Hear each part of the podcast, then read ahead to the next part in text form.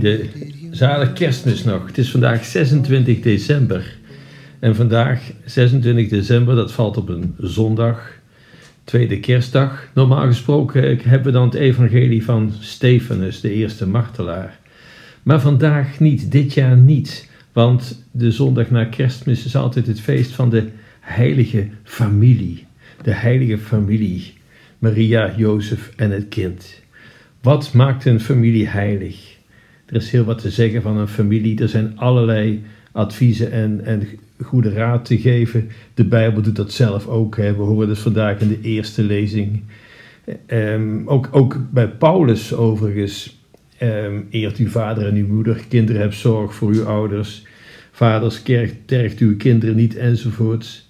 Maar wat maakt nou een familie heilig? Laten we eens kijken naar Sint Jozef. Sint Jozef, een grote heilige, die had het niet eenvoudig. Die verneemt dat Maria zwanger is en ze zijn nog niet getrouwd. Jozef is nog niet bij haar geweest. Oei, wat daarvan te denken. Jozef werd schapen man. Hij wilde Maria niet in opspraak brengen. Dus ter bescherming van Maria meent hij haar stil te moeten verlaten. Maar in een droom een boodschapper van God, de engel, die zegt hem: Nee, Jozef, neem Maria gerust tot je vrouw. Het kind dat zij draagt is van de Heilige Geest. Wat Jozef altijd doet is, als zij van God verneemt, in geweten, in, in geest, in, hoe moet ik het zeggen, hij stemt ermee in en hij gaat, hij gaat ervoor. En dat is niet eenvoudig, want de consequenties zijn ongewis. De consequenties zijn ongewis. En dan verder. Ja, die volkstelling, wat erop neerkomt, hij moet naar Bethlehem gaan. Met zijn vrouw, die in verwachting is. Ongemakkelijk reizen. En een drukte daar in Bethlehem vanwege die volkstelling. En dan eigenlijk ook een gênante situatie je kunt gewoon geen plaats vinden voor je vrouw die een kind verwacht, kind dat aanstaande is. Uiteindelijk belanden ze in een stal, in een grot. En dan, Jozef moet zich verwonderd hebben over herders die neerknielen voor dit kind. Voor koningen die hun gaven geven aan het kind en knielen voor dit kind. En dan, de koning, koning Herodes, hij wil het kind doden. Een kind doden, koning Herodes. Wat heeft hij te vrezen van een kind? Van een baby? Maar toch, de engel geeft hem het advies: vlucht naar Egypte. En hij doet dat. En eigenlijk is dat een dwaze onderneming. Met een kind reizen, pasgeboren kind en je vrouw naar Egypte, naar een vreemd land onderweg. Er is niets veilig daar. Je komt waarschijnlijk nog in een vijandig gebied ook, totaal onbekend gebied. Maar toch, hij gaat. Hij staat op, neemt het kind en Maria en gaat naar Egypte. En daar aangekomen verblijft hij een tijd, totdat hij hoort dat Herodes gestorven is en zijn opvolger is er. En dan gaat hij naar Nazareth. Ook dat is een onderneming die het eigenlijk alleen maar kunt adviseren: doe het niet. Of reis in een karavaan. Met grote gezelschappen ben je veiliger en toch hij doet het.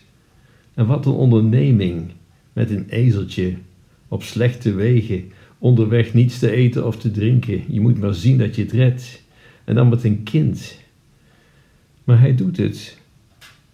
In alles doet hij Gods wil. Als we Herodes, die we net noemen, en Jozef is met elkaar vergelijken, wat doet Herodes? Is een machtswellisteling. Je kunt hem vergelijken met Stalin, met Hitler, met Pol Pot, met, met, met Mao. Een machtswellisteling. Wat doen ze? Herodes doet wat goed is voor Herodes. Hij laat zelfs drie van zijn eigen zonen vermoorden. Waarom? Ja, hij vermoedt dat ze wellicht een complot tegen hem beramen. En kijk dan eens naar Jozef. Die doet alles wat goed is, niet voor hem, maar wat goed is in de ogen van God.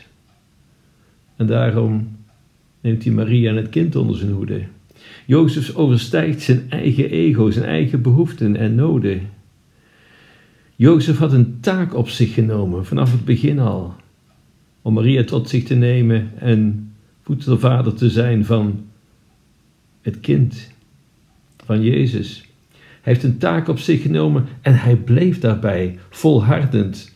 Wat er ook gebeurde, hij had zich gecommitteerd en hij bleef daarbij. Herodes, historisch gezien natuurlijk veel groter, beroemder, aanzienlijker, rijker, invloedrijker, een groot rijk. wat zegt de Bijbel over Herodes? Ja man, die rijkdom, dat aanzien, wat heb je eraan? Wat moet je ermee? Lekker belangrijk. Wat van belang is, doe wat je te doen staat, wat goed is, wat goed is in het oog van God. Dat maakt iemand heilig. Heiligheid is overigens een weg naar geluk. Kijk eens naar het leven van, nou ja, ik noemde ze net, Hitler, Stalin, Mao, Pol Pot. Kijk eens hoe dat eindigde. Herodes, zoals gezegd, hij doodde zelfs drie van zijn eigen kinderen. Herodes is de antifamilieman. Herodes is de anti-heilige. En Jozef is de familieman. Jozef is de heilige. Herodes had een heel leger ter beschikking. Hij zou het kind vermoorden. En toch, Jozef had natuurlijk niets ter beschikking. Ja, een ezeltje om te vluchten. En toch, hij wist te ontkomen. Waarom? Hoe? De ingevingen van God. Hij nam ze te harte. En hij maakte er werk van. Onmiddellijk stond hij op en hij ging. Als je God voor ogen staat, zul je andere wegen gaan. Zul je andere wegen gaan. Wie heeft meer betekend in de geschiedenis? Herodes of Jozef? Of het kind in de kribbe, een kind nog maar. Wie heeft meer betekend? Pol Pot, Mao, Stalin, Hitler of Moeder Teresa, Perke Donders? Hoe wordt een gezin heilig? Als alle gezinsleden, gezinsleden God voor ogen houden, dan weet je meteen ook hoe ze met elkaar omgaan. De weg naar heiligheid is een weg naar je bestemming. Dat is, nogmaals gezegd, een keuze maken en daaraan vasthouden. Niet omdat het makkelijk is, omdat het prettig is, maar gewoon omdat het goed is. Iemand die alle opties openhoudt, die geen keuzes maakt, die bereikt niks. En die zal onrust in zijn hoofd blijven houden en in zijn hart. Dat geldt voor iedereen. Maak een keuze en hou daaraan vast. Dat geldt voor een priester, dat geldt voor man en vrouw, voor echtgenoten. Het geldt voor iedereen. Kies je voor jezelf, je zult God niet vinden en het aardse zul je ook niet uiteindelijk winnen. Kies je voor God, je zult God vinden en al het aardse wat je nodig hebt, zul je er gratis bij krijgen. Dat is wat genade is. Your baby boy would one day walk on water. Mary, did you know that your baby boy would save our sons and daughters? Did you know that your baby boy has come to make you new? This child that you delivered soon